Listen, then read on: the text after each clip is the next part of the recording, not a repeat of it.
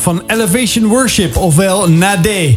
Ja, ik eh, spreek niet zo goed. Uh, zou het Portugees of eigenlijk Spaans? Volgens mij is het Spaans als ik het uh, eventjes zo 1, 2, 3 hoor. Ik ben niet zo goed van het Spaans, maar dat kan je altijd nog leren. Zelfs mijn dochter krijgt Spaans op de middelbare school. tegenwoordig hoort dat ook al achter met zo'n vak die je zomaar krijgt. Ik ben nog benieuwd. ik heb ook al gehoord dat ze ergens een Chinees geven. Maar dat is nog vele malen moeilijker. Dus het is niet alleen maar meer de Frans, Duits en Engels die wij vroeger op school hadden, Marije. Ja, dat klopt ja. En ik weet wel dat met Mandarijns, als je een keer een klank anders zegt, kan je iets heel lulligs zeggen. Ja, ja, ja, die heb ik ook gehoord. Ja, ja, ja, ja, zeker, zeker. Nou, leuk dat we er weer hier mogen zijn vanavond. Hier live vanuit de studio uh, in, van de Walt FM hier bij het M-Space gebouw waar we elke week weer op een heerlijk plekje zitten. Met een geweldige gast die we vanavond weer hebben kunnen strikken vanavond, Marije. jij kent hem, jij kent hem nou, ik zou bijna zeggen net zo goed als ik. Nou, we zeiden net elkaar met elkaar eh, toen we eventjes zaten te eten. Van, het lijkt wel alsof we vrienden zijn. Dat zijn we ook letterlijk en figuurlijk, denk ik ook wel. Er staat ons niets in de weg om vriendschappen te sluiten. En uh, vanavond hebben we iemand die uh, ja, heel veel houdt van de geneugten van het leven. Die graag uh, op pad gaat, van avonturen houdt. heel veel kerken, basilieken, kathedralen en andere mooie oude gebouwen graag van binnen bekijkt. En ook graag een mooie foto's trekt. Graag met zijn gezin erop uitgaat. En vanavond gaat hij ons eens eventjes meenemen in een heel bijzonder item en themaatje, namelijk roeping. Wat is dat precies? Het is niemand minder dan uh, Jacob Wielink. Welkom Jacob. Dankjewel Joost. Fijn om weer hier te zijn. Het is een halfjaartje geleden dat het de vorige keer was volgens mij. Oh, je hebt het al gelijk even uitgerekend wanneer jij voor het laatst hier... Het wel. Ja, dus wil je nou zeggen, wie is die Jacob van Wielink nou? Dan, dan kun je op de podcast van ons Wild Fate, de podcast, het interview van april terugluisteren.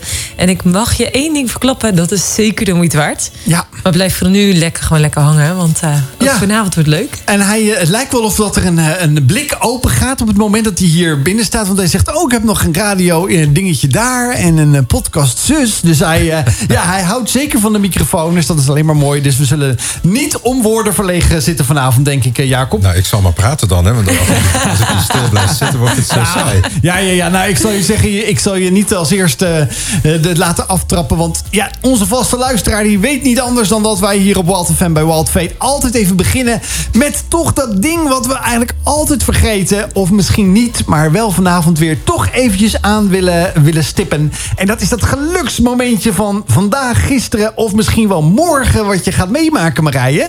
Wat nou, heb jij uh, te delen? Ik was van de week echt zo onwijs gelukkig met Wild Fate. Want we hebben naast de podcast ook de playlist. Ja. En waar het niet dat ik zondag een halve marathon ging lopen. En het was koud, super nat, oneindig over die Drechtstad.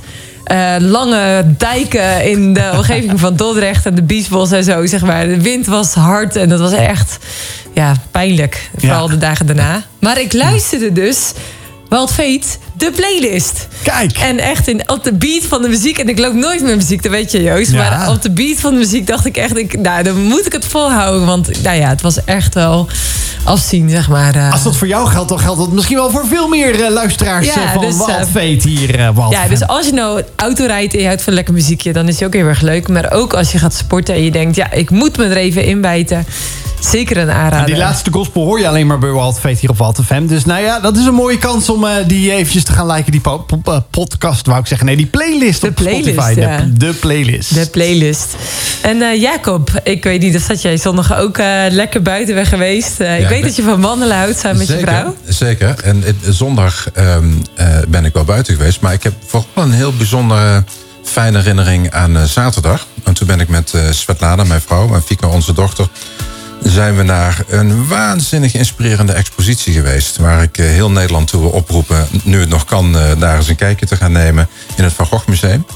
Een eh, expositie over Gustav Klimt, de bekende Oostenrijkse schilder. En zijn werk werd ja, vergeleken onder meer met werk van Van Gogh. En met de Nederlandse Jan. Dat is een nou, mooi eh, compliment wow, dat je dat krijgt. Wauw. En, en we hebben ons um, zo laten inspireren door die, die intense schoonheid die er daar was. En daar samen mogen rondlopen. En na aflopen met elkaar lekker eten, ja, daar word ik toch wel heel erg gelukkig van. Het goede leven. Ja, kijk eens aan. En uh, Joost, hoe zit het nou, met jou geluk? In die, in die nat, uh, natte zondag wat ik ja, ook had, gingen wij smiddags eventjes bij mijn schoonouders op bezoek. Om ja, een heel mooi fotoboek voor mijn, of eigenlijk voor mijn schoonmoeder, haar zus te maken die 80 wordt binnenkort. En er werden allemaal oude foto's uit de kast gehaald en uit de boeken ingescand. Want we gaan gewoon een heel nieuw boek maken met uh, mooie nieuwe herinneringen. Uh, die we dan uh, die verjaardagsdag gaan geven. En nou ja, daar hoort altijd een stukje techniek bij. Daar voel ik me toch ook altijd wel een beetje in thuis. Want anders zou ik hier ook niet achter een mengpaneel zitten bij, bij Walt FM. natuurlijk om lekker muziekjes in te starten en mooie gesprekjes te hebben.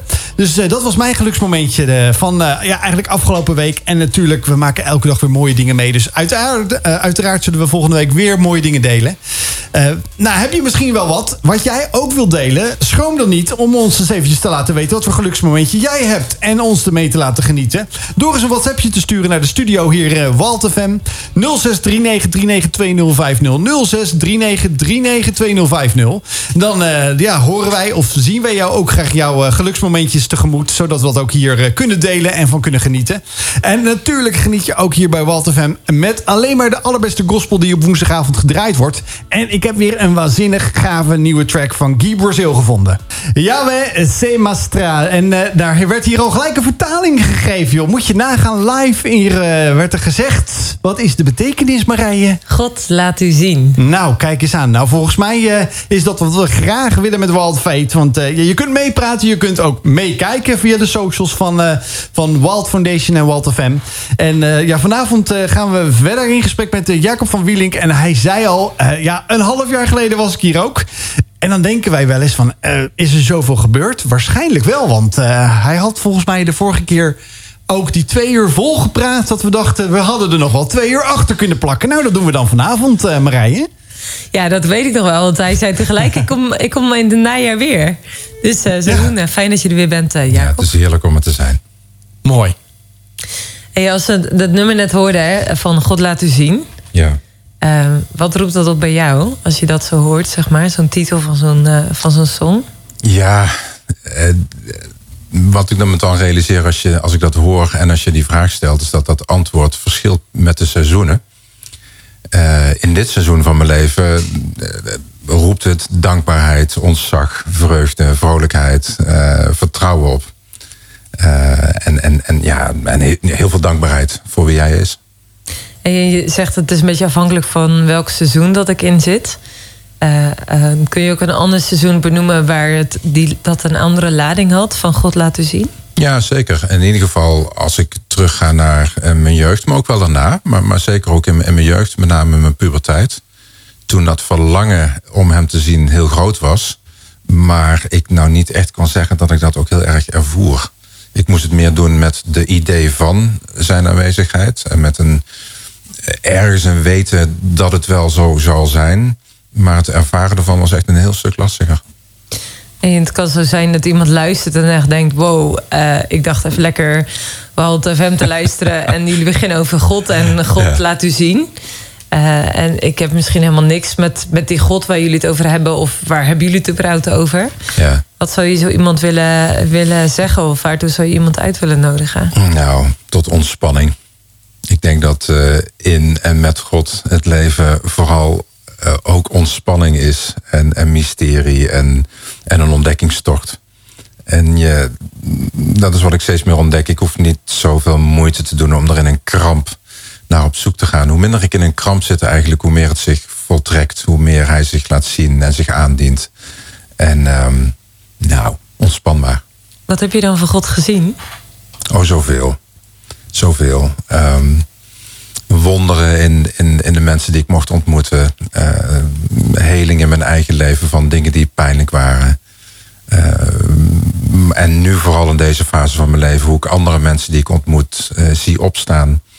En geschiedenis die, die pijnlijk is achter zich zien laten. Mensen die het pad van hun leven bewandelen. Die vreugde vinden in het leven. Ja, dat is wat ik vooral zie. Ik zie hoe die, daar, hoe die met mensen op pad is. Dus in de mate waarin die ook met mij op pad is uh, gegaan. Mooi, hè? Ja. En je bent eh, eh, de, de school van, voor transitie eh, is helemaal verkleefd met wie jij bent. Ja, Eh dan ben je ooit samen met anderen begonnen. Ja. Eh, voor de mensen die het niet kennen, wat, wat is de school voor transitie? Ja wij zijn een, een, een opleidingsinstituut voor leiders en begeleiders. Een beetje twee kanten van eenzelfde medaille. En eh, wat wij doen, wij helpen leiders in organisaties om hun leiderschap te versterken van henzelf. Maar ook van de teams of de afdelingen waar ze leiding aan geven.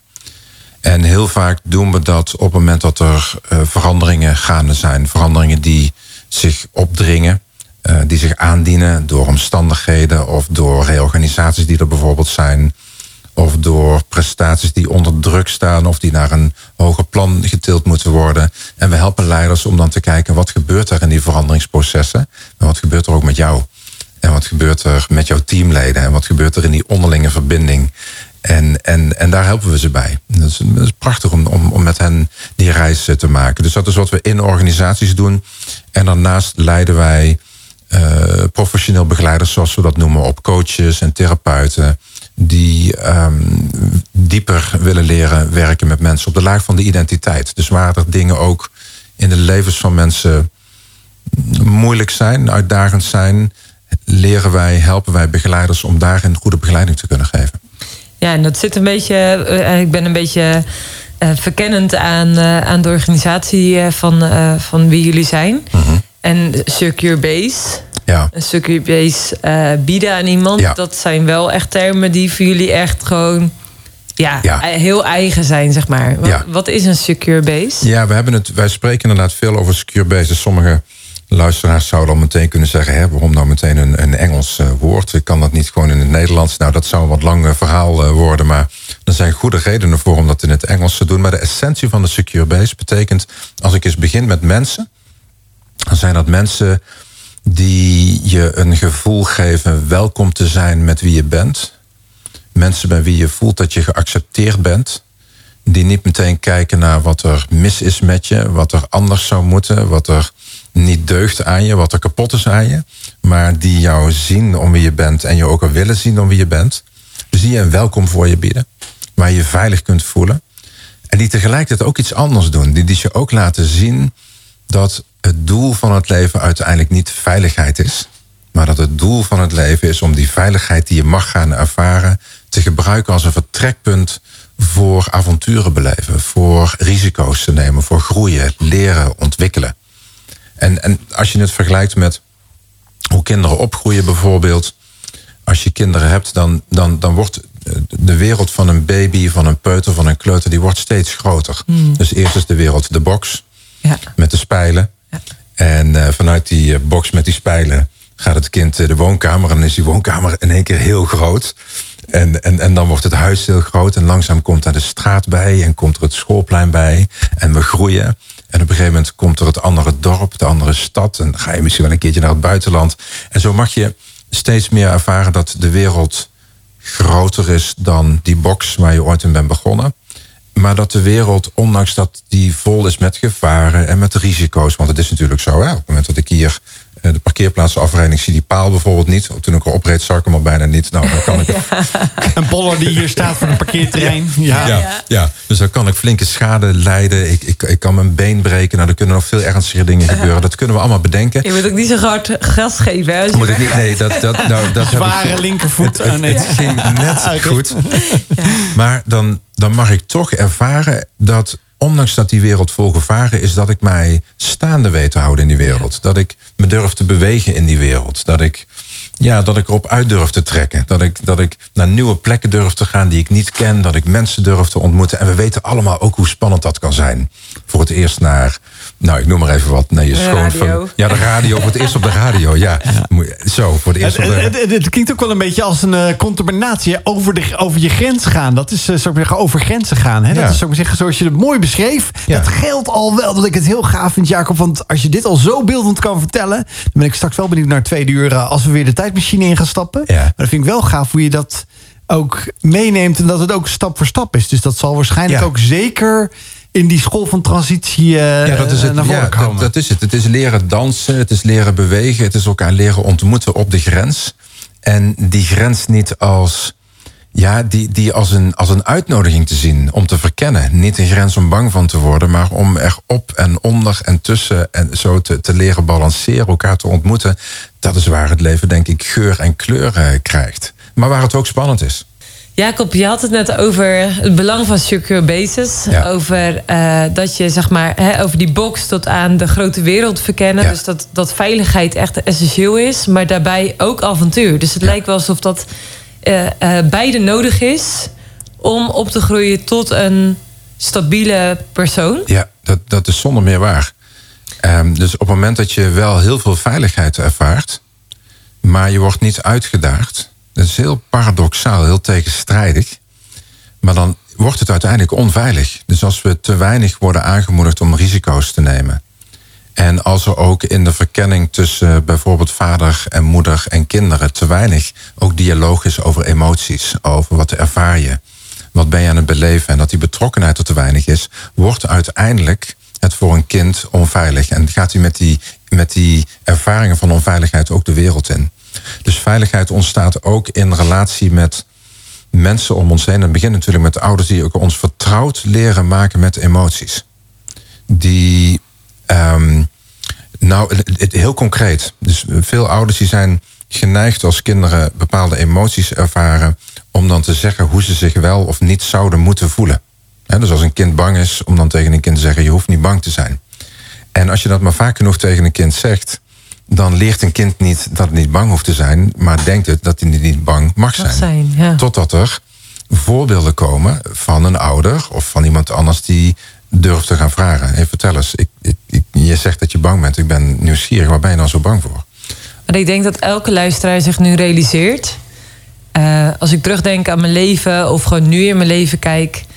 eh, wie is er dan van mij zo'n secure base Ja. geweest? Zeg Ja. maar. Of hoe.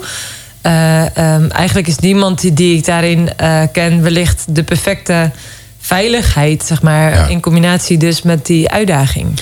Ja, dus een misverstand over secure bases. En dat is wel mooi dat je het woord ehm, eh, perfect eh, gebruikt. Want het gaat verre van over perfectionisme. De secure bases zijn, we hebben het nog steeds over mensen. Dat gaat er niet om dat het perfecte rolmodellen zijn.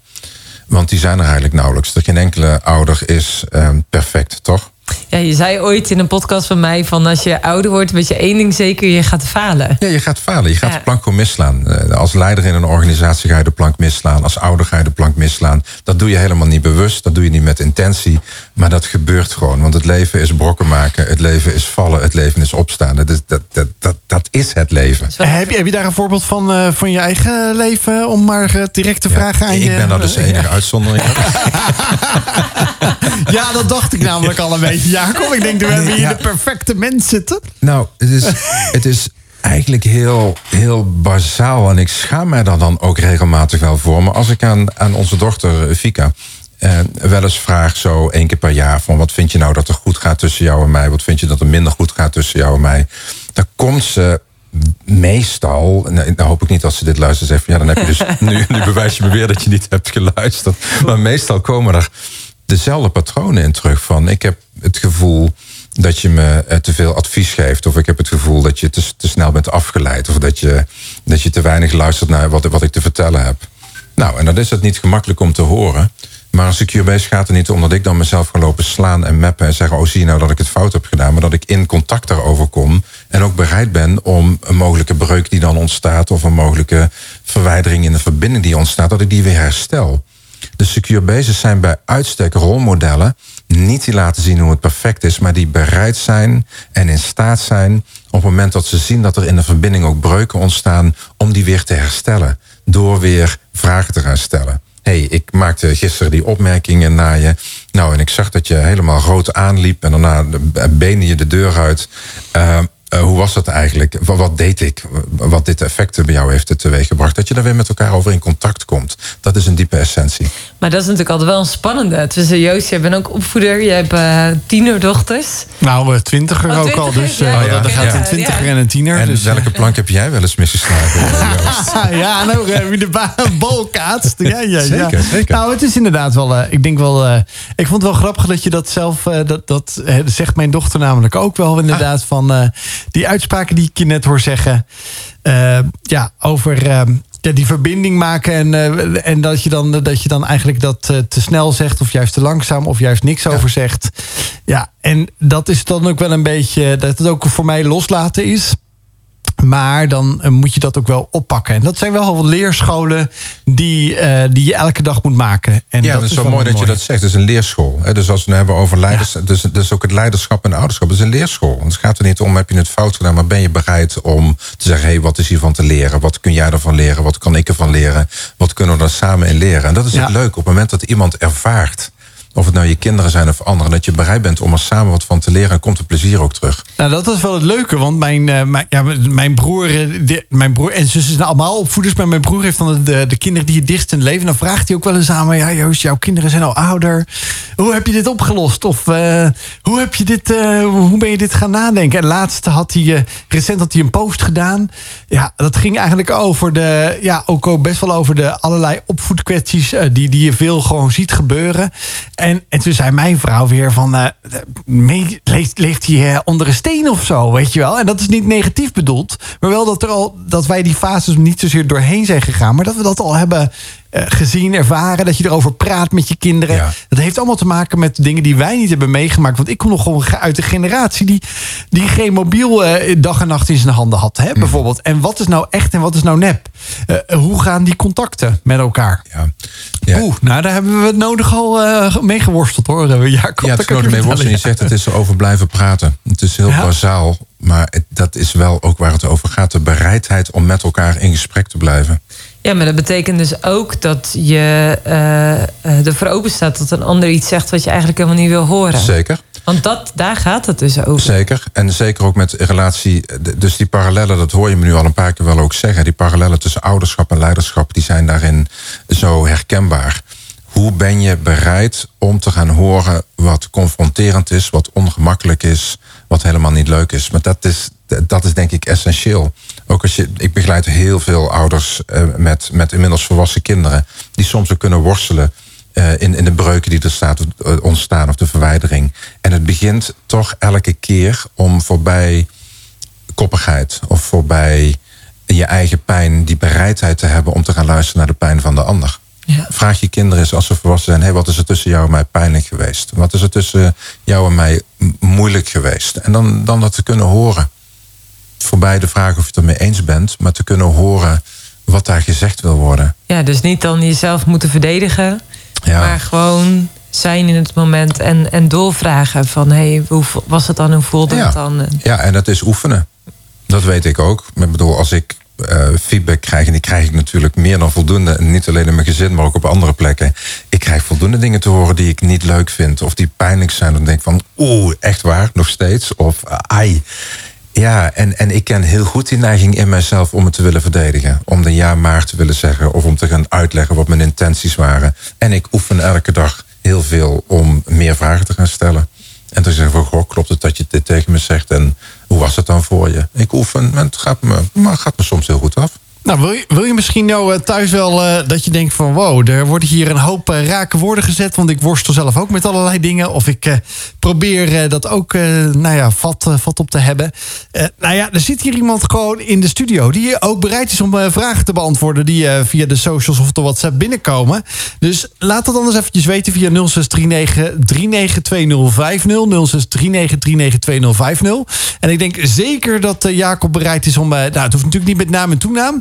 maar wie weet eh, heb je gewoon eens een, een korte vraag... en dan krijg je hier zomaar gratis en voor niets een, eh, een- niet een passend advies... maar zeker iets waar je misschien ook wel wat aan kunt hebben. En we hadden het zojuist over de secure, secure basis eh, in de vorm van mensen, ouders of mensen in je eigen omgeving. Ja.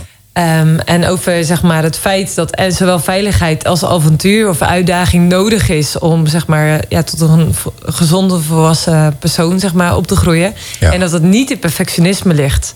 Maar juist wel in het bespreekbaar maken van hey, eh, ja, als je ouder bent, van hey, wa- wat, wat heb je wellicht voor eh, eh, ja, moeilijkheden door mij gehad? Of wat, wat voor pijn heb je in, in je leven Ja. gehad door mij als ouder zijnde? Ja. Maar ik ben wel benieuwd, zijn dat zeg maar ook secure bases wat dus niet samenhangt met bijvoorbeeld ouders of andere Ja. mensen in je omgeving? Dat is een mooie vraag. Ehm, dus zeker. Dus mensen zijn altijd de belangrijkste secure basis van de geboorte tot aan de dood. Dus je kunt niet zonder secure basis tot aan je laatste levensadem. Zo ontroerend trouwens ook als je ooit aan een sterfbed bent geweest. En, sommige luisteraars kennen misschien ook wel die ervaring dat je aan een sterfbed zit en dat iemand die aan het sterven is als het ware wacht totdat het het juiste moment is om te gaan en dat dat moment ook wel eens samen kan hangen totdat iemand als het ware die toestemming geeft. Zegt van het is goed, je mag gaan. Dus dat, dat, dat er daar iets gebeurt waardoor ook iemand in dat laatste proces ook die reis gaat maken. En dus dat is een, vind ik altijd een heel ontroerend voorbeeld van de secure base tot aan het allerlaatste moment. En daarnaast zijn er nog heel veel andere dingen die ook tot een secure base kunnen dienen, uh, kunnen zijn. Ik denk bijvoorbeeld maar aan muziek. Muziek kan een hele krachtige uh, secure base zijn. Hoeveel mensen, ja, als je naar deze zender luistert, dan ga ik er al sowieso helemaal vanuit. Maar dat muziek ook een bron kan zijn die jou tot rust kan brengen of die jou kan inspireren, die jou, ja, waar je je emotioneel in herkend voelt. Uh, zowel in de vreugde als in je angst, als in je verdriet, als in je boosheid. Maar muziek waarin je als het ware op kunt gaan, waarin je mee kunt tunen. Waardoor je ook weer op kunt laden en weer die volgende stappen kunt zetten. Dus muziek is daar een heel belangrijk voorbeeld van, uh, denk ik. Uh, plekken kunnen een secure base zijn. Wie kent er niet een meer of een bos of een huis? Misschien wel je eigen huis en dat alleen als je er al aan denkt, dat je al voelt, oh, die plek die is goed voor mij, die is fijn voor mij, daar kan ik, kan ik opladen. Eigenlijk is opladen ook wel een belangrijke, belangrijke metafoor bij een secure base, want dat is letterlijk wat er gebeurt. Hè. Je, de, de, batterij die raakt zo wat leeg en door een secure base laat je ook weer op om die volgende stap te kunnen zetten. Nou, we zijn zo begonnen deze uitzending met het hebben over God. Vanzelfsprekend is God voor heel veel mensen en, en, en sommigen zullen zeggen, Jezus misschien nog meer. Maar ook zo'n belangrijke secure base. Iemand die je uitnodigt om jezelf te zijn. Om je zorgen te delen. Om tot rust te komen. Maar die God ook. Die God is ook niet iemand die gaat voor de veiligheid. God is ook iemand die gaat voor het avontuur. Die jou uitnodigt om op te staan. En die tegen jou soms letterlijk zegt. Hè. Sommigen kunnen echt die conversatie hebben. Sommigen wat indirect via woorden uit de Bijbel of door de woorden die door anderen worden gesproken. Maar die God die tegen je zegt: kom, vertel, deel. En die ook zegt: kom, sta op, ga verder. Dat is eigenlijk, denk ik, altijd de beweging wel van God. Hij, hij, hij legt zich er met jou niet bij neer. Hij, hij verlangt ernaar dat je weer een volgende stap zet. God is er denk ik een, hele, een heel mooi voorbeeld van een uh, secure base. Maar dromen kunnen een secure base zijn.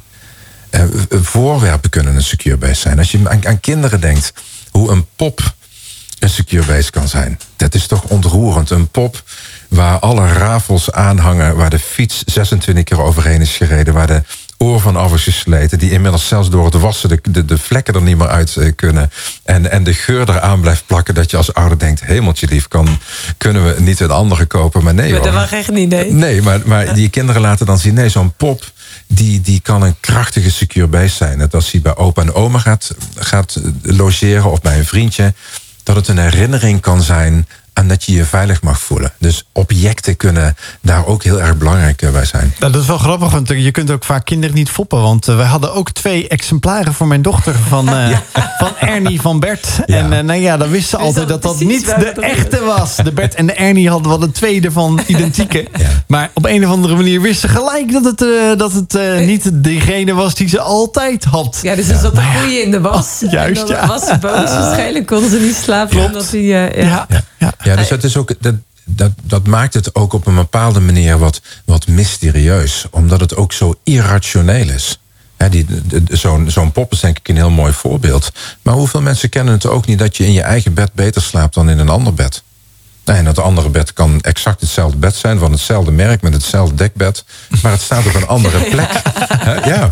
En, En, en, je eigen bed representeert vaak heel wat meer, waardoor je een diepere rust kunt eh, ervaren. Nou, je haalt wel alle, alle dingen op die bij mij ook spelen, Ja, kijk, ja, ik denk, ik denk dat iedereen, dat, uh, zeg maar, elke luisteraar echt al eh, plingetjes heeft van, oh ja, dat herken ik en dat herken ik. Ik, ik ga serieus, ik rij liever naar huis toe twee uur, dat ik vier of vijf uur in mijn eigen bed slaap, dan dat ik ook de mogelijkheid zou hebben om in een hotel of bij vrienden of bij familie te slapen, dan dat ik zeg, nou sorry. nou, ik herken dat. En dan was het al, al voor, uh, om een hele belangrijke reden. Als ik in mijn eigen bed slaap, dat ik dan mijn, een van mijn belangrijkste secure naast mij. Ja, sowieso. Ja, dat is bij mij ook dat, wel. Ja. Dat helpt natuurlijk ook wel. Hè? En uh, dat is toch een heel stuk leuker dan, dan alleen. En, en, en wat, wat je bij Secure Basis, we hebben het over veiligheid en uitdaging. Een andere manier om daarnaar te kijken is om te zeggen: ja, Secure Basis zijn uiteindelijk jouw diepste bronnen van inspiratie. En inspireren, geïnspireerd zijn, betekent dat je, dat je onderweg bent. Dat je, dat je voelt dat er een energie in jou is die jou wil laten voortbewegen. Inspireren is ademhalen, is in contact zijn met, met je ademhaling. En in contact zijn met je ademhaling in contact met je ruach, zoals het in het Hebreeuws klinkt, betekent ook in contact zijn met de geest. Dus de Heilige Geest die jou in staat stelt, want de Heilige Geest is die voortstuwende kracht die ons doet laten ontdekken, die ons doet laten groeien. Dus geïnspireerd zijn betekent in contact zijn met je levensstroom. Maar eventjes daarover vragen, Jacob. Ja. Ik weet gewoon van veel mensen in mijn omgeving en dat, daar geldt niet altijd. Ik, soms heb ik er wel eens een beetje last van, van zo'n sprankje. Maar dat mensen soms zeggen: Ik vind het zo moeilijk om in stilte te zijn. Ja. Of in rust. En, en ik. En, nou ja, om in slaap te vallen zelfs. Want die hele agenda, de, ja. de problemen, de, de, de, alle dingen die komen ja. op me af op die momenten dat ik stil ben. Dus eigenlijk heb ik helemaal geen zin om mijn eigen adem te horen. Ja, nou dat herken ik wel. Ik, ik, ik ben nou ook, kijk, als ik zou sterven en ze zouden tegen me zeggen, nou dat was zo'n rustige jongen, dan denk ik ook dat, dat er iets mis is gaan. Nee, ik ben, ik, ik ben ook nogal een behoorlijk onrustige man. Dus ik ken ook heel goed de onrust. En ik ken ook heel, heel goed bij mezelf dat in momenten van stilte ik eerst ook nog wat onrustiger kan worden. En dat ik dan weer de afleiding zoek om die onrust in mezelf niet te hoeven ervaren. En dan kan een filmpje of een boek of een, uh, nou bedenk het eens, uh, iets ondernemen weer een nieuwe manier zijn om daar niet bij te hoeven komen. Ik denk dat het ook een kwestie is van oefenen uiteindelijk ontkomen we er niet aan, denk ik, uh, in, in, mijn ervaring, dat we, dat we vertrouwd mogen leren raken met de stilte en, en met de onrust. Dus dat die onrust die in ons is, of die paniek die er in ons kan zijn, of de, de, het verdriet wat er in ons kan zijn, uiteindelijk ook gevoeld wil worden. Want als we dingen niet voelen, kunnen we ook niet werkelijk in het leven vooruit bewegen. En kunnen we ook niet helen. We ik kunnen. Ken, oh. ja. Ik ken zo'n lied en dat is, uh, ik denk, een van de oude psalmen. Wees stil in mijn, mijn ziel, wees stil. Ja. Um, eigenlijk is het ook echt een uitnodiging om daarin jezelf ook echt uit te nodigen. Eigenlijk op te roepen tot die stilte. Ja. Uh, om dan ook te zien, wat komt er dan voorbij in die, uh, je zijn het levensadem. Ja. om dan echt ook te voelen en thuis te komen eigenlijk bij jezelf van... hé, hey, maar eigenlijk vraagt dit stukje in mij nu aandacht. Ja, en dus, daar niet bang voor te zijn. Er niet bang voor te zijn. En stilte, misschien kun je hem ook wat, wat ruimer zien.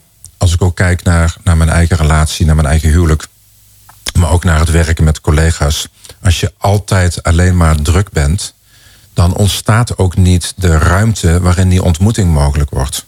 Dat is met je partner ook. Als je niet um, ook bereid bent om bepaalde dingen te doen die misschien ook bij een sleur horen Zoals wandelen met ja, je vrouw. wandelen, ja, wandelen met je vrouw. Of, of samen op de bank zitten. Of af en toe de laptop dichtklappen. Overigens, mijn vrouw luistert mee. Hè, dus die gaat...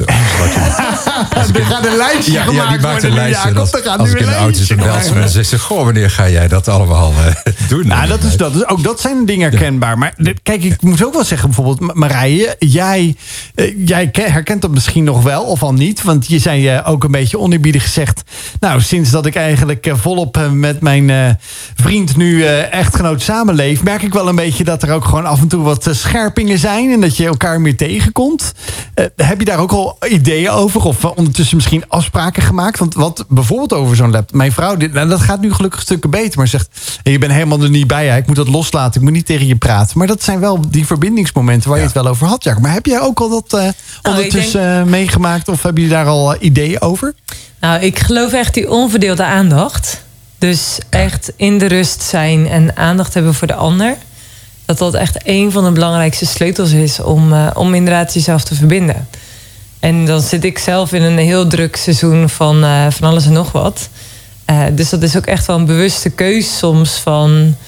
eh, accepteren dat je dan dus eh, zeg maar iets anders gaat doen dan dat je eigenlijk denkt: oh ja, maar dit had ik ook allemaal nog kunnen doen. Een soort van heel functioneel je tijd in, invullen. En dan weten zeg maar, ja, maar juist als je dat, datgene wat je het allerbelangrijkste vindt, wat je het meest koestert, eh, hoog acht, dan heeft dat dan ook aandacht, tijd en prioriteit nodig. Ja. En het is denk ik ook steeds tegen natuurlijke dingen doen. Dat, dat is een van die paradoxen van leiderschap. Het gaat voortdurend over tegen natuurlijke dingen doen, ook in je huwelijk. Dus op het moment dat je voelt dat je hoofd er niet naar staat om te praten of om iets leuks te doen of om in beweging te komen, het juist dan wel doen, opdat dingen mogelijk worden die anders niet mogelijk worden. Dus die, die, die, dat duiveltje van de verwijdering, dat ligt altijd op de loer. Um, op het moment dat je te veel toegeeft aan de dingen, als je ergens geen zin in hebt. Dus het is soms ook de dingen doen waar je geen zin in hebt, maar van je diep van binnen weet. Dat is gewoon goed. Daardoor worden er dingen mogelijk. Wel heel interessant dat je dat ook dat verwijdering noemt. Hè? Dat er continu dat die verbinding ja. willen, maar ook zoeken. Ja, die, ja, en ik heb een heel concreet voorbeeld van, van begin dit eh, jaar. Toen was net de, de, de oorlog uitgebroken in, in Oekraïne. Uh, en tussen Rusland en Oekraïne. En toen was het Valentijnsdag. En toen hadden mijn vrouw en ik allebei, tenminste zo heb ik dat ervaren, zo'n soort idee, ja, zullen we nou vanavond in een restaurant gaan zitten? Het is allemaal zo droevig en het is zo, zo, zijn zoveel andere dingen aan ons hoofd. En we hebben dat toch gedaan. En dat bleek een fantastische fijne avond te worden. Dat omdat we het toch deden, we tijdens dat eten ook konden hebben over wat we ervaren en wat we zien en hoe moeilijk we het vinden. En daar de verbinding eh, op hebben. Dus als je ergens geen zin in hebt, het soms toch doen vind ik wel mooi hoe je zo het eerste uur eigenlijk afsluit. Volgens mij hebben we nog veel te bespreken in het tweede uur... Uh, wat we met jou gaan hebben, Jacob. Uh, onder andere natuurlijk, uh, we hebben een Bijbels weetje klaarstaan van Rien... en ook uiteraard de tijdmachine. Want daarin ga jij ons ook vast meenemen in het tweede uur. wij ja, hebben natuurlijk eventjes wat plichtplegingen... maar dat gaan we niet doen zonder dat we eerst nog eventjes... een heerlijk nummer, gospelnummer hier op Wild FM... met Wild Fate uiteraard luisteren. En we zijn zo ben je terug met uh, het tweede uur met Jacob van Wielink. We zijn in het tweede uur beland van Wild Fate hier eh, op Walt FM. Zoals je weet zijn we eigenlijk altijd hier op woensdag live vanuit de studio te vinden. Dus je kunt met ons meepraten op 0639392050. En we hebben altijd een leuke inspirerende gast die met ons meepraat over ja, dat Fate-stuk. Dat geloofstuk. Dat geloof dat heel breed kan zijn en heel diep kan zijn. En ja, schurend kan zijn. En dat willen we juist ook een beetje ja, veroorzaken misschien wel bij jezelf. Dat je ook nadenkt over de dingen die je misschien helemaal niet wil. Want daar hadden we het eerste uur eigenlijk ook wel een beetje over. Over eh, ja, wanneer zet je jezelf eigenlijk stil? Want het blijft allemaal doorgaan. En daar had eh, Jacob het eh, ook over. En hij was ook heel inspirerend bezig met het eerste blokje na ons geluksmomentje. Dat hij heel leuk begon zo'n beetje te vertellen hij begon het eh, heel leuk zo aan te kleden met een box en dergelijke. en toen dacht ik al gelijk, nou weet je wat, eh, we moeten eventjes die uh, tijdmachine... Nou mag je op die knop drukken, Jacob, zeggen we dan altijd. Ja, ja, ja, want die tijdmachine gaat aan. Die deur gaat open, Jacob. Want de vaste luisteraar weet het misschien wel. Want wij gaan namelijk ook een beetje aftellen en ons klaarmaken voor de tocht in die tijdmachine. Want wij gaan terug de tijd in naar een stukje Bijbel waar, uh, waar jij ons mee wil nemen. Dus wij gaan aftellen, Jacob, naar dat Bijbelgedeelte. Waar neem jij ons mee naartoe vanavond? Welk Bijbelgedeelte? Ja, ja, we gaan bijna. We zijn er bijna. Ja, die deur gaat open. En dan... Uh, ja, die deur gaat nu open op dat gedeelte waar we zijn. En ik ben heel benieuwd waar uh, ja, jij ons... kijk, daar gaat hij, Jacob. Neem ons mee. Het is een hele ontroerende vraag. En het is ook een nieuwe vraag, die was er de vorige keer niet.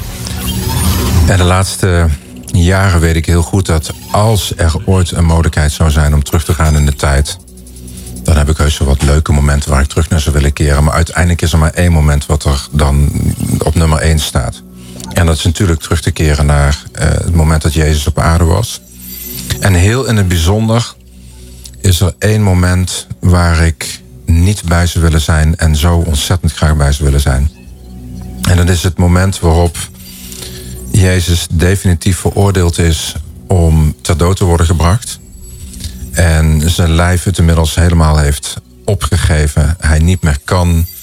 Hij, um, verdrietig is om wat er moet gaan gebeuren. Hij er, als ik zeg, geen zin in heeft, dan druk ik me natuurlijk volstrekt uh, ongenuanceerd uit. Hij zag er ongelooflijk tegenop. Hij wist dat het moest gebeuren, maar hij wilde het niet.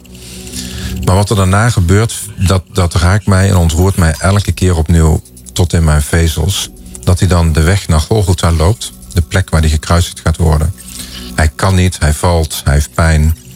En hij, er zijn mensen langs de kant van de weg die uh, ook vreselijk verdrietig zijn, die wanhopig zijn. Alsof de hele wereld instort. Alsof alles waar ze die afgelopen jaren ook voor blij om waren, de, de, de hoop en de vreugde die ze ervoeren, alsof dat uh, tot een einde komt. En wat ik me dan realiseer is dat in die diepe pijn en die wanhoop die Jezus ervaren moet hebben, dat hij alle recht had om met zichzelf bezig te zijn. Dus dat hij het recht had om te zeggen: ja, laat me nu even met rust, uh, laat me met rust, laat me maar gaan. Ik wil met mezelf zijn, maar hij doet het radicaal tegenovergestelde. Dus onderweg naar die plek reikt hij uit langs de kanten van de weg, um, langs de mensen langs de weg, en is hij in staat om zijn eigen pijn ondergeschikt te maken aan het verdriet en de pijn van die mensen die bij hem zijn. En om die mensen te begroeten, hoop te geven, te troosten. Dat maakt mij woordeloos. Dat maakt mij woordeloos en, en, en geeft mij hoop die ik nauwelijks kan bevatten. Dus die geeft mij hoop dat datgene wat later gaat gebeuren, die verrijzenis, dat hij opstaat uit de dood, daar laat hij eigenlijk al zien wat de weg daar naartoe is. Dus dat de weg naar opstaan uiteindelijk de weg is van je wonden gaan leren koesteren. Niet van je wonden wegbewegen, maar je wonden ja, langzaam leren omarmen, gaan leren helen. Opdat je in staat bent om je eigen pijn in het leven niet belangrijk te maken dan contact te maken met de wereld en contact te maken met de toekomst die voor je ligt. Voor nu genoeg. Nou, wat een bijzonder lied ook na dat Bijbelgedeelte wat je aanhaalde. Als je nu zegt van hé, hey, waar staat dat eigenlijk? Dat verhaal over Jezus die, die weg naar die kruisiging uh, liep en, en die ontmoeting had met de mensen en ook, ook oog had voor de mensen in plaats van voor zijn eigen lijden. Uh, dan wordt er eigenlijk in alle evangeliën over gesproken, uh, over geschreven. De evangeliën zijn Matthäus, Marcus, Lucas en Johannes. En dat zijn de ooggetuigenverslagen van de tijd dat Jezus hier op aarde rondliep. Echt super boeiend hoe dat, uh, ja, die vier mensen mm -hmm. ja, allemaal hun eigen verhaal opschrijven. En, en zo inspirerend en zo eerlijk en rauw ook ja. bij tijd en wijlen. Vooral ja. ook als het op, ja, over deze tijd van Jezus zijn leven gaat. Ja, en, hey. en over de zware levensthema's. Dus, dus het, het, hele, als je het zo beschouwt, hè, evangelie betekent uh, goed nieuws. Uh, maar als je het gaat lezen, nou, het is een en al gedoe, pijn, moeite, uh, ziekte. nou, ga er maar aan staan. Ja, ga er maar aan staan. Het is, het is bepaald zo op het eerste gezicht helemaal geen, geen prettige uh, literatuur. Maar laten we eerlijk zijn, hè? wat we vandaag de dag willen horen zijn succesverhalen. Klopt. Klopt. Uh, uh, over zolang je het goede maar bedenkt, ja. zolang je het maar proclameert of, of ja. dan gaat het ook manifesteren. Ja. Dat zijn allemaal van die termen die er zijn. Nou, het is nog veel erger, Marije. Het gebeurt ook in de kerken. Dus het gebeurt bij uitstek in de kerken, in de christelijke kerken, dat we een platte boodschap verkondigen over de opstanding en de overwinning.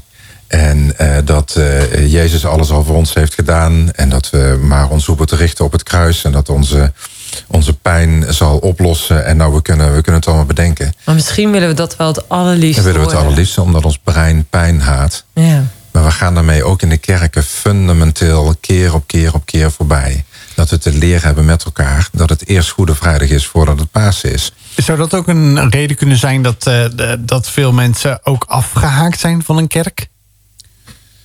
Want het gaat niet zozeer soms, want mensen, velen zeggen ook van, we geloof, ik geloof nog wel. Ja. En zelfs ik geloof ook nog in God, alleen ik, ik ga niet meer naar die kerk. Ja, nou, dat, ik, ik weet niet of ik een, daarin een Dat is misschien wel heel diep, maar, de, maar nou, het is wel wat je... Niet per se heel diep, maar ik zou de, de vraag naar de, naar de kerkverlating niet, niet willen oversimplificeren. Maar misschien wel dat we in de kerken bij uitstek vaak helemaal niet de plek vinden... waarin we thuis zijn met onze emoties.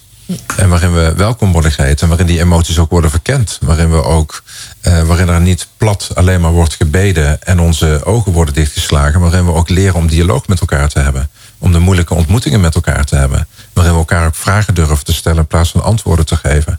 Want ja, dus wat je net eigenlijk zegt, hè, die, die wonden, die pijn die je hebt om dat dus niet op te poetsen of, of ervoor te bidden of even te luisteren twee keer en dan moet het over zijn. Precies, ja, en, en, en hoor me niet verkeerd. Hè. Dus ik denk dat eh, eh, bidden en zeker in de kerk eh, van, het, van het grootste belang is. en, en ook daarbuiten overigens. Maar het is niet het enige wat nodig is. Het is leren ontdekken dat het precies de wonden in je leven zijn waar je stil bij mag staan omdat die wonden in jouw leven, en we hebben ze allemaal, iets te vertellen hebben over wie jij ten diepste bent. En jou iets te vertellen hebben over de roeping in je leven. Omdat je roeping gaat over de vraag wie ben ik. Dat is de eerste belangrijkste vraag van de roeping. Er is veel misverstand over wat roeping is en wat roeping niet is. Maar roeping gaat in eerste instantie over de vraag wie ben ik. Wie ben ik? Wie ben ik? Wie wil ik zijn? En wie ben ik geworden met als ik achter mij kijk, als ik mijn levenslijn, mijn levensloop achter mij ziet liggen, zie liggen. Wat zijn dan de gebeurtenissen en dat zijn dan meestal niet alleen de vrolijke gebeurtenissen, maar met name de pijnlijke gebeurtenissen. En jouw persoonlijke antwoord op de vraag: wat, hoe hebben die, die pijnlijke gebeurtenissen, die scheuringen, die breuken, die breuklijnen, hoe hebben die mij gevormd tot de mens die ik vandaag ben? En hoe stellen die breuklijnen, hoe stelt die pijn mij ook in staat om mij iets te vertellen over wat in mijn leven werkelijk belangrijk voor me is. En hoe ik mij ook weer kan verbinden met andere mensen. Hoe ik mij kan verbinden met mensen, met plekken, met doelen, met dromen. Dus op het moment dat we daaraan voorbij gaan, op het moment dat we voorbij gaan aan de pijn die we in het leven ervaren, gaan we ten diepste voorbij aan de roeping die we in het leven ook hebben. Maar dat is wel een hele boeiende, want ergens denk wel altijd dat roeping iets te maken heeft met het leuke, zeg maar. Hè? Want dan, dan sta je in je kracht en dan heb je dat gevonden waarin je echt het verschil maakt in het leven. En jij zegt eigenlijk, het is niet veel meer kijken naar de toekomst, maar het gaat veel meer over terugkijken waar kom ik vandaan. En hoe heeft mij dat gevormd, zodat ik de toekomst tegemoet kan treden. Zo, precies zoals je het zegt. Dus je roeping gaat wel degelijk ook over de toekomst. Alleen waar je roeping, waar het misverstand bij roeping uh, over gaat, is dat het vooral gaat over wat je doet in je leven, wat je bereikt, de doelen die je, die je stelt, of um, de, de functies die je vervult, of de rollen die je vervult. Nou, die zijn wel belangrijk, maar het is veel belangrijker in eerste instantie om te weten wie je bent. En vanuit wie jij bent, hoe jij de dingen doet in de wereld. Op het moment dat je heel veel doet, en zelfs heel veel doelen bereikt en de grootste podia beklimt en de mooiste preken houdt en de mooiste teams begeleidt en de grootste projecten doet. Maar je weet niet vanuit je diepste kern van binnen, vanuit welke plek je dat doet, dan ligt een burn-out of een depressie of variaties op die twee of een combinatie daarvan elke keer op de loer. Of een overspannenheid of te veel stress in je leven. Dus je niet weten wat, wie je bent eh, en, en uh, heel veel dingen gaan doen ja, dat leidt uiteindelijk tot uitputting. Zo boeiend, hè? Dus uh, ik denk dat iedereen die luistert wel dingen herkent... of bij mensen dingen herkent, zeg maar... of echt wel zelf het vraagstuk ook. Van, hey, ik ben allemaal wat druk met van alles nog wat te doen... Ja. Uh, eigenlijk moet ik gelukkig zijn, want ik heb datgene bereikt waarvan iedereen zegt: ja, maar als je dat bereikt, ja. dan komt alles goed. Maar de realiteit van mijn leven is veel weer barstiger, of, of zelfs het tegenovergestelde van wat ik zo graag wil. Ja, dat klopt. Dus mensen die een burn-out uh, hebben, of, of verschijnselen van een burn-out hebben, of hoe je het ook wil noemen, want voor heel veel mensen is het ook moeilijk om te erkennen dat ze een burn-out hebben en noemen ze het anders. Wat overigens prima is. Het gaat er uiteindelijk over dat je erkent dat je iets in je leven hebt aan te kijken. En het is ook het verrangen dat mensen die in overspannenheid of burn-out terechtkomen, bij uitstek vaak de mensen zijn die het leven op orde lijken te hebben.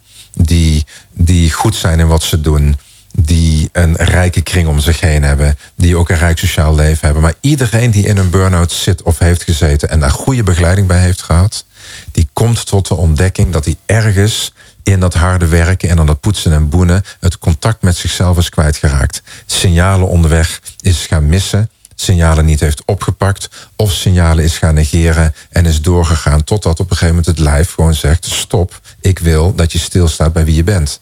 En dan is er een, een burn-out, ga je ontdekken dat een burn-out je niet krijgt van te hard werken, maar dat je het krijgt van ergens te hard werken voor het verkeerde tussen aanhalingstekens doel. Dus je, je poetst en je boent heel hard voor, voor dingen die niet meer verbonden zijn met je werkelijk van binnen bent. Dus een burn-out is uiteindelijk een roepingscrisis. Het is een identiteitscrisis. Het is niet meer weten wie je bent en waarom je de dingen in het leven te doen hebt. Nou, daar zit ik op het puntje van mijn stoel om er meer over te horen. Ik denk dat we lekker even gaan luisteren naar muziek. Want dan kan iedereen nog even daarover ja, herkauwen, zeg maar. Van, hè, roepen, eh, zeg maar eh, burn-out heeft niks te maken met te veel, te hard werken... maar veel meer met een eh, crisis daarin in je roeping. Ja. We zijn al volop in gesprek over die, uh, over die missie, over die roeping. Nou, we hadden het toch ook al eventjes over een pijnlijk puntje... Met, met een, met een burn-out of misschien zoiets, hoe je het wil noemen... maar dat je eigenlijk ja, die connectie met jezelf aan het verliezen bent of verloren hebt... en hoe je dat dan moet doen.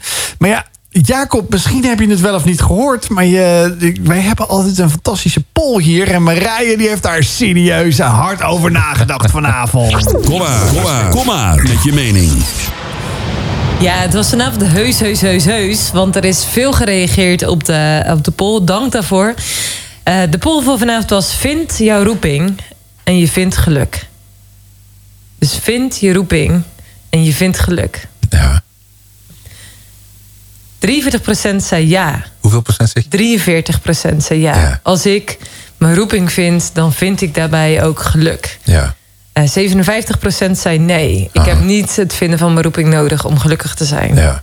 Ik ben natuurlijk reuze benieuwd, Jacob, wat, uh, wat, jij, wat jouw gedachten daarover zijn. Nou, ik denk dat het precies zit in de nuance van een woord, waardoor de stelling niet klopt. En dat ga ik toelichten. Dus het is in het leren ontdekken wat je roeping is. Een van die hele belangrijke dingen die daarbij aan bod komen, is dat je het verschil gaat leren ontdekken tussen gelukkig zijn en vreugde ervaren. Wat is het verschil tussen gelukkig ja, zijn? dat is vrij fundamenteel en toch haken ze aan elkaar. Dus geluksmomenten zou je kunnen zeggen, gelukkig zijn is altijd tijd en plaats gebonden. Het is altijd een momentopname. Geluk is per definitie eindig. Uh, de, de appeltaart is op enig moment op. Ja, het was heerlijk. En, het was heerlijk. En die stoofpeertjes ook van Marije precies. trouwens. Ja, en je, Ja, jullie zijn allebei bevoorrecht. ja, ja, ja, ja. En je kunt, je kunt een grotere appeltaart leren bakken. En dan geniet je er langer van. Je kunt een langere wereldreis maken. Dan geniet je er langer van. Dus geluk is, is fundamenteel belangrijk. Dus het is ook een vermogen om in het leven geluk te kunnen ervaren. Dus laat ik daar geen, misverstanden over bestaan. Het is, het is belangrijk om geluk te kunnen ervaren. Om geluksmomenten te kunnen proeven. En die ook te kunnen koesteren. Toch gaat vreugde daar heel ver aan voorbij. Vreugde is veel meer in contact staan met de diepere stroom van je leven. Met de diepere, met wie je werkelijk bent van binnen. En je kunt leren en je mag leren dat je ook vreugde kunt ervaren. Terwijl het stormt om je heen. Dat je ook vreugde kunt ervaren.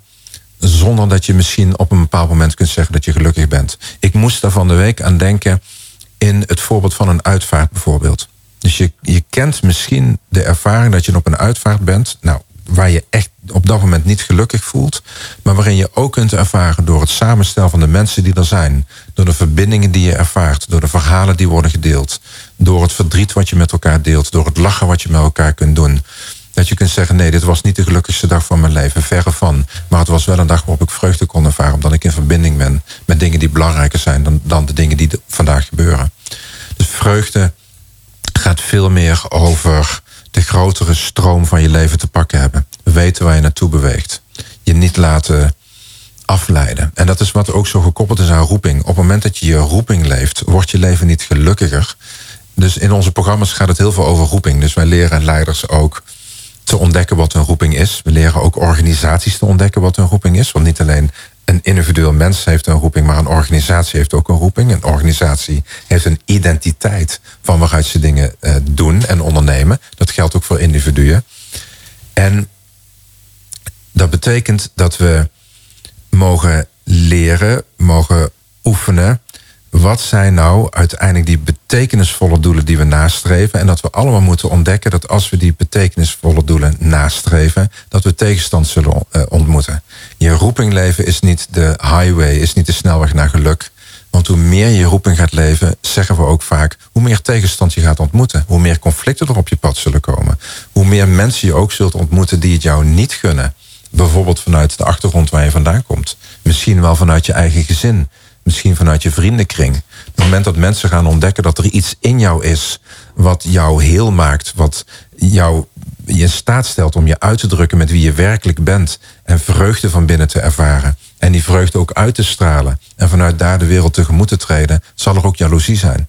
Ja, want het klinkt heel authentiek. Ja, het gaat over authenticiteit. Het gaat over diepe lagen van authenticiteit. En niet een authenticiteit van kijk maar nou eens mezelf zijn en het interesseert me niet wat de rest van de wereld van me vindt. Dat, dat is namelijk domheid. Dat is, dan kun je net zo goed in Ja, de is een woestijn. beetje arrogantie. Zeg. Nou ja, arrogantie. Of dan kun je in de woestijn gaan zitten en denken... nou, kijk, men toch eens Doei. helemaal gelukkig zijn... en boeien wat de wereld vindt. Nee, dat, dat, dus een roeping wordt altijd geleefd in contact... in, in een context van de wereld waarin je leeft. Ehm, dus, dus het gaat over authenticiteit die beleefd wordt... in de verschillende rollen van je leven... op de verschillende plekken van je, waar je bent. Dus, dus je roeping leven betekent dat je op je, de- de- toch in grote lijnen dat je op je werk en in je vriendenkring en in je huwelijk en een relatie met je kinderen en op de sportvereniging voelt dat je één en dezelfde mens bent die weliswaar andere dingen doet, die soms een andere missie heeft, want we hebben in het leven meerdere missies, we hebben niet maar één missie in het leven. Je missie is ook niet hetzelfde als je roeping. En maar dat je, dat je voelt dat je in die verschillende rollen van je leven je diepste ik eh, tot uitdrukking kan komen.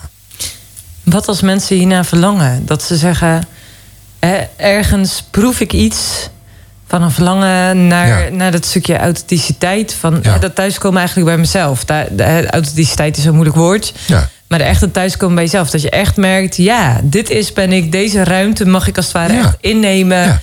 Eh, dit ben ik. Ja. Dit heb ik ook te bieden. Dit is mijn drijfveer eigenlijk ten diepste. En waar ik dan ook kom, eh, heeft dat dan zeg maar eh, de inbreng die ik dus als uniek persoon te brengen heb. Ja, dus het gaat inderdaad over je plek innemen. Het is heel goed om je af en toe te realiseren dat er maar één plek is voor jou in de wereld. En als jij die inneemt, kan een ander hem niet meer innemen. Dus je komt op een gegeven moment, denk ik, mag je tot de conclusie komen: laat mij mijn plek maar innemen, want hij is toch van mij. Maar dat is wel oefenen met vallen en opstaan. Want ja, ik weet niet hoe het met jou is. Ik ben niet in het paradijs eh, opgegroeid. Eh, ik, heb, ik heb veel mogen ontdekken. Maar ik heb ook moeten ontdekken dat het soms een enorme klus is. Je eigen plek innemen. Ehm, nou, als ik bijvoorbeeld naar mijn verleden kijk. Ik heb daar Ja, eerder wel eens met je eh, over gedeeld. ja. Hè, met mijn pestverleden. Nou, pesten heeft mij nou niet per se geholpen met een diep zelfvertrouwen. Dat ik mijn eigen plek mag innemen. En dat andere mensen, dat ik dan ook nog contact kan hebben. Nee, het tegendeel. Dus ik heb, om mijn roeping te leren ontdekken een van de dingen die ik moest doen. En die ook ontstonden, is terugkeren naar die diepe pijn, die diepe wanhoop die ik ook heb ervaren toen ik gepest werd. En ik alles in mij het gevoel gaf dat ik er niet bij hoorde, dat ik niet leuk was, dat ik geen vriendschap kon hebben, dat ik niet mee mocht doen met spelen daar waar ik wilde spelen. En veel later in mijn leven moest ik terugkeren ook naar die wonden. Dat niet langer ontkennen, daar niet een verhaaltje van bleef blijven maken, niet dat niet willen voelen, maar juist doordat ik dat ging voelen. En doordat het ook kon gaan helen op het moment dat ik ging gaan voelen, kwam ik ook dichter bij mijn roeping terecht. En kwam ik ook, kon ik werkelijk gaan ontdekken wie ik ben. En kon ik ook gaan ontdekken dat ik op de laag van mijn roeping, van mijn identiteit, wel degelijk een vriend ben. Want dat is mijn diepste identiteit. Ik ben een vriend. Want als jij je roeping zou formuleren, hoe zou je daar woorden aan geven? Nou, mijn, mijn roeping is dat ik een vriend en een vader ben. En ik help mensen hun roeping te vinden en te leven op weg naar heling. Jacob van Wieling die hier eh, gewoon even zich misschien ook wel een beetje nog wakker schudt. Want hij moet straks eh, na deze uitzending hier vanuit eh, Amstel heen... eh, misschien nog wel ergens naartoe eh, crossen... waar hij fit en wel en eh, verwacht wordt natuurlijk. Hij wil natuurlijk naast zijn geliefde in bed liggen Ja, vanavond. ja, ja, Zeker, dat maar, lijkt me een- dat goed vooruitzicht. Ja, maar ik vond eh, de, de titel van eh, I Know All Along van Fishburne wel heel erg mooi waarop jij ook eindigde. Dat jij eigenlijk ook eh, ja, je, je roeping hebt, Ja. daadwerkelijk hebt vastgepakt. En zeg, en weet je wat ik gaaf vind? eh, dat je ook zegt, dat zegt eh, Jacob, dat je zegt, ik wil vader zijn. Nou ja, dat, dat ben je, dat mag je ook zijn. En dat je ook zegt, ik wil ook vriend zijn. En er Ja. zullen menigeen die zal zeggen, ik wil eigenlijk helemaal geen vriend zijn. Natuurlijk, iedereen wil vrienden. Maar eigenlijk is het soms ook wel dat er best wel iets onderliggend diepst ligt nog zelfs aan vriend zijn. Want dat geeft namelijk niet alleen dat je bij de plezierige, mooie, leuke dingen alleen maar aanwezig bent. Oh nee, Eh, nee. of nee, we altijd ja. eventjes weet van daar kan ik altijd terecht. Maar ook Ja. bij de minder mooie dingen. Ja, zeker. Van het is dat niet, als je alle gedichten leest over vriendschap, de liederen, de mooie liederen, die gaan toch altijd over een vriend die er is op het moment dat het niet als het goed gaat. Alhoewel een vriend die vreugde met je kan delen en met je kan vieren, dat is natuurlijk fantastisch. Maar ja, we willen ze toch vooral op de momenten dat je die vreugde niet te delen hebt. En als het tegen zit en als je het niet weet, dan te weten dat er mensen om je heen zijn waarbij je welkom bent. Waarbij je kunt opladen, is dat niet, niet, niet het kostbaarste goud wat je maar kunt bedenken? Zoals het in je huwelijk ook is. Zeker. En is dat niet een van de redenen om maar eens een klein knuppeltje in een klein hoenderhokje te gooien? Waarom er zoveel huwelijken ook oneindig voortijdig stranden in deze tijdgeest waarin we het ook gewoon niet meer willen. Waarin we niet meer willen accepteren dat onze partner misschien af en toe een tijdje is niet die leuke partner is waar we mee uh, het, het huwelijk begonnen. En dat het af en toe gewoon niet gezellig is, niet fijn is. Dat onze partner gedrag vertoont waar we van balen. Of, of wel eens depressief kan zijn of, of verdrietig kan zijn.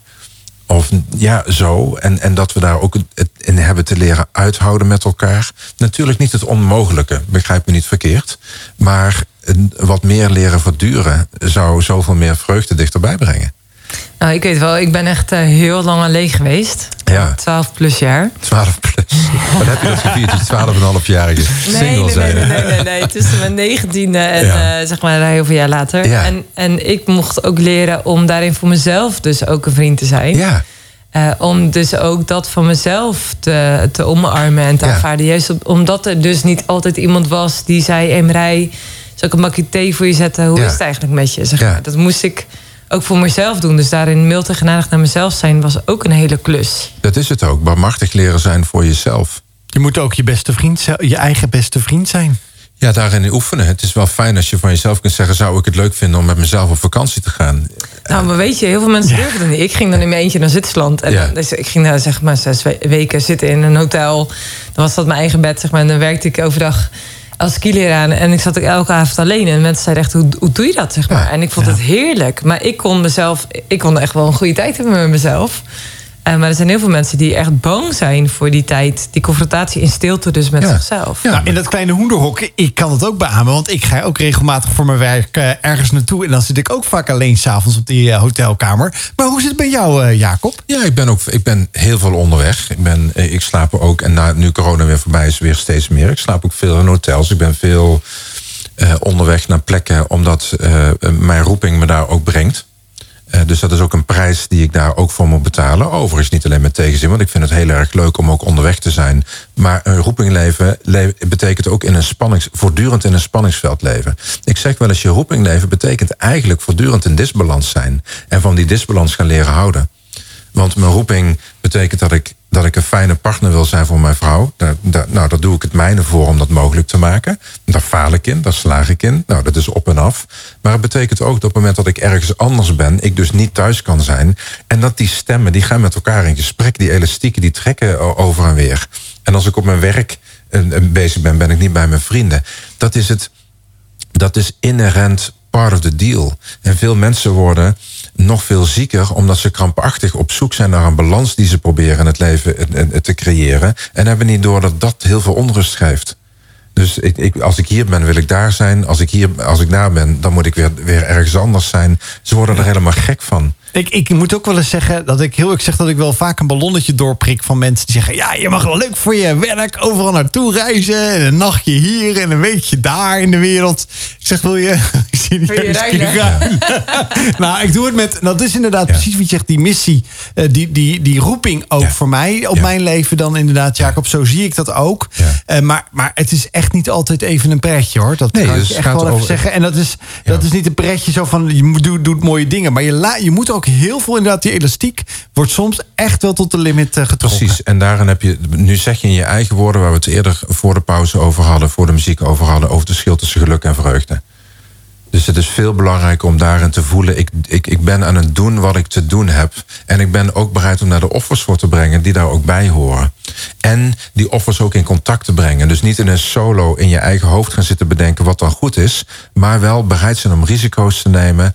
Om daarin fouten te maken, daarin onderweg te zijn. En elke keer weer thuis te komen, ook bij je secure basis. En dat ook in contact te brengen. En ook te onderzoeken met elkaar. Hoe is dat nou, die balans tussen jou en mij? Hoe, hoe zien we dat voor ons die komende drie maanden, die komende drie jaar? Dat wel in verbinding te brengen. Maar het gaat in ieder geval over de offerbereidheid.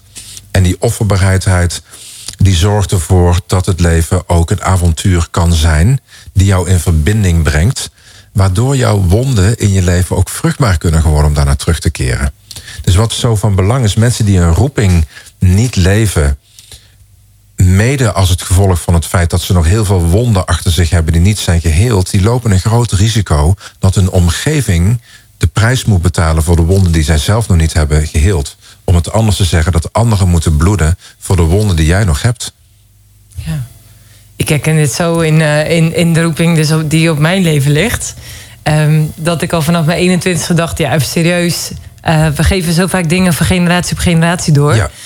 Hoe mooi is het of hoe tof is het als je in je twintige jaren kunt zeggen... ja, ik ben hier helemaal klaar mee. Uh, ik wil deze wond in mijn leven, ik wil deze pijn in mijn leven... Ja. ik wil dit gezeik in mijn leven aankijken. Ja. Zodat ik niet automatisch, zeg maar, da daarmee dus andere mensen pijn doe. Ja. Uh, omdat ik zelf pijn heb, zeg maar. Maar daar dus echt die, die heling in te vinden, zeg maar, en te ervaren. Ja, ik denk dat het is mooi dat je dat zegt. Dus dat je eigen shit leren opruimen... voorkomt dat je die shit niet overdraagt aan anderen. En, en dat is al een, grote klus genoeg. Maar je, je hoeft anderen niet te belasten met jouw shit. Je hebt, je hebt voldoende eigen shit om, om op te ruimen. De ander heeft voldoende shit om, om, om op te ruimen. En, en dat zullen we tot op zekere hoogte ook zelf te doen hebben. Niet alleen, maar wel zelf te doen hebben. Maar ik denk dat het hoort bij het leven van je roeping... dat je ja, de bereidheid hebt om die ketenen te, te, doorbreken. Om iets nieuws te doen. This kind of love. Nou, het is wel heel mooi. Uh, ja, hoe wij altijd hier zeggen bij Wild Fate op Wild FM. Hoe uh, een rondje, het cirkeltje weer rond is. Na twee uur live hier gewoon vanuit uh, de studio radio te mogen maken. dat we dan altijd zeggen, het cirkeltje is bijna rond. Bijna rond, want we hebben nog een blokje te gaan. Omdat we graag ook nog wat willen meegeven aan jou als luisteraar van Wild Fate hier op Wild FM. dus nou ja, dat is natuurlijk wel heel mooi dat we Jacob hebben... Ik zou niet zeggen mogen bijna uithoren. Nee, hij heeft voldoende zelf te vertellen altijd. En dat zei hij al. Hij zegt, we zouden nog geluk... We, we, we, zouden bijna nog een wereld, uh, wereldrecord radio maken, kunnen maken met één uh, gast. Dat zou Jacob oh, dat kunnen zou zijn. Jacob zeker kunnen, ja. Gewoon een, uh, ja, een toch? ja, een tweedaagse. Ik weet niet eens hoe lang het wereldrecord er is. Maar wat zou je nog eigenlijk willen meegeven, Jacob, aan, aan de luisteraar... die vanavond misschien geboeid of juist geïrriteerd of juist... Ja, kan allebei. Ja, uh, uh, ja. verrast en verbaasd heeft zitten luisteren. Ja. Ach, we hebben het vanavond over uh, zoveel dingen. We hebben het over de wonden in je leven. We hebben het over je roeping. We hebben het over inspiratie. We hebben het over God gehad. We hebben het over, heel veel dingen zijn, zijn de revue gepasseerd. Over wat is van waarde in je leven. En ik denk dat bij uitstek ook in de tijd waarin we leven... waarin zo ongelooflijk veel onder druk staat. De manier waarop we met elkaar spreken, wanneer, de manier waarop we ons verbinden met elkaar. Uh, de manier waarop we ons uiten. De, nou, uh, ik weet niet hoe het met jullie is. Ik word er niet per se altijd alleen maar heel vrolijk van. Dus ik denk dat één hele fundamentele vraag is om jezelf te stellen. Ben ik geïnspireerd in het leven? Wat inspireert mij in het leven? Wat zijn mijn bronnen van inspiratie? En verbind ik me er ook daadwerkelijk mee? Stel ik mezelf in staat om mij verbonden te weten? En stel ik mezelf ook in staat om mij te laten aanmoedigen en mij te laten bevragen? Op de bijvoorbeeld die hele fundamentele vraag: stel ik mijn, uh, stel ik mijn vrienden in staat, stel ik mijn ouders in staat, mijn, mijn kinderen, om mij feedback te geven op de vraag: hoe doe ik dat eigenlijk mezelf met jou verbinden? Hoe ervaar je dat?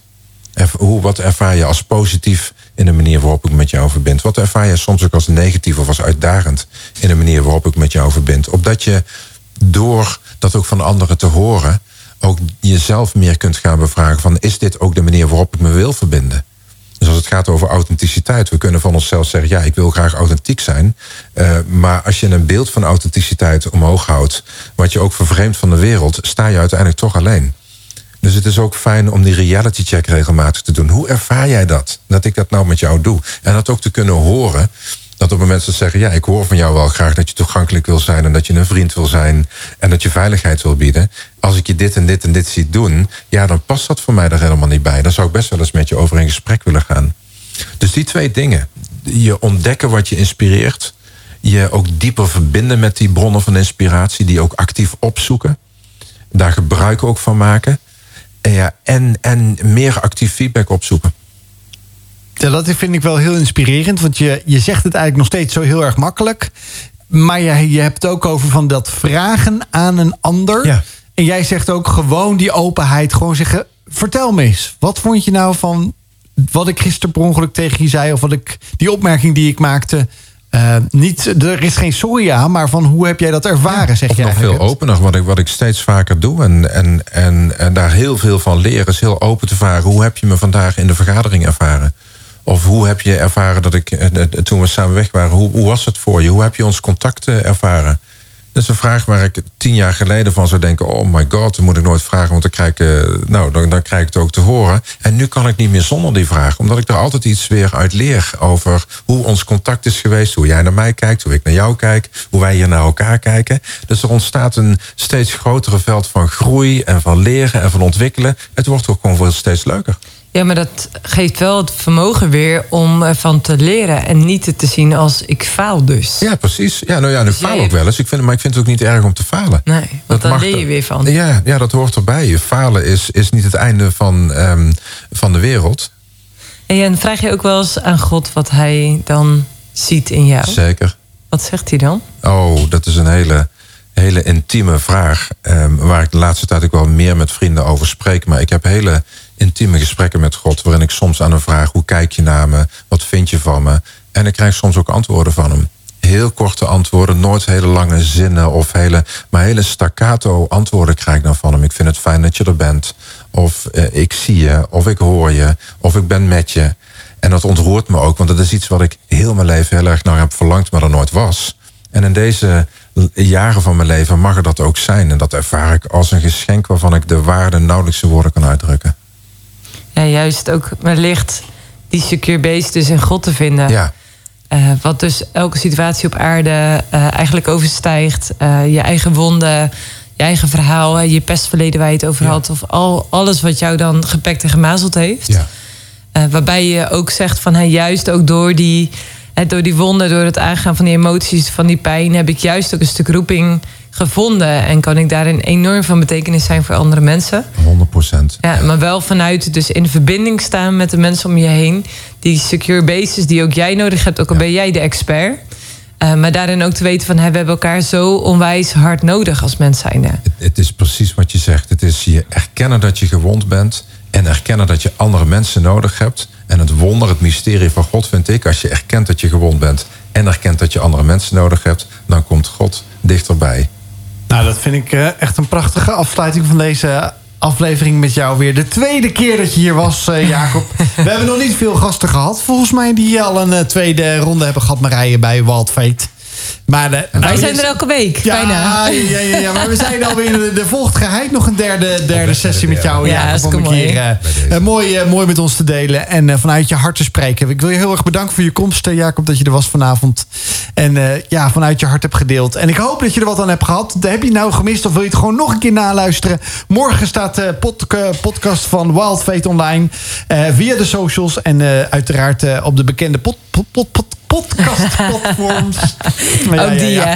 Podcast. Maar ehm, zeg je nu van hey, dat onderwijs of de inspiratie die Jacob eh, geeft... en ik wil er gewoon nog veel meer van weten. Nou, hij heeft een aantal boeken geschreven... maar er zijn ook een aantal trainingen voor mannen, vrouwen. eh, het beste moet nog komen, van alles en nog wat.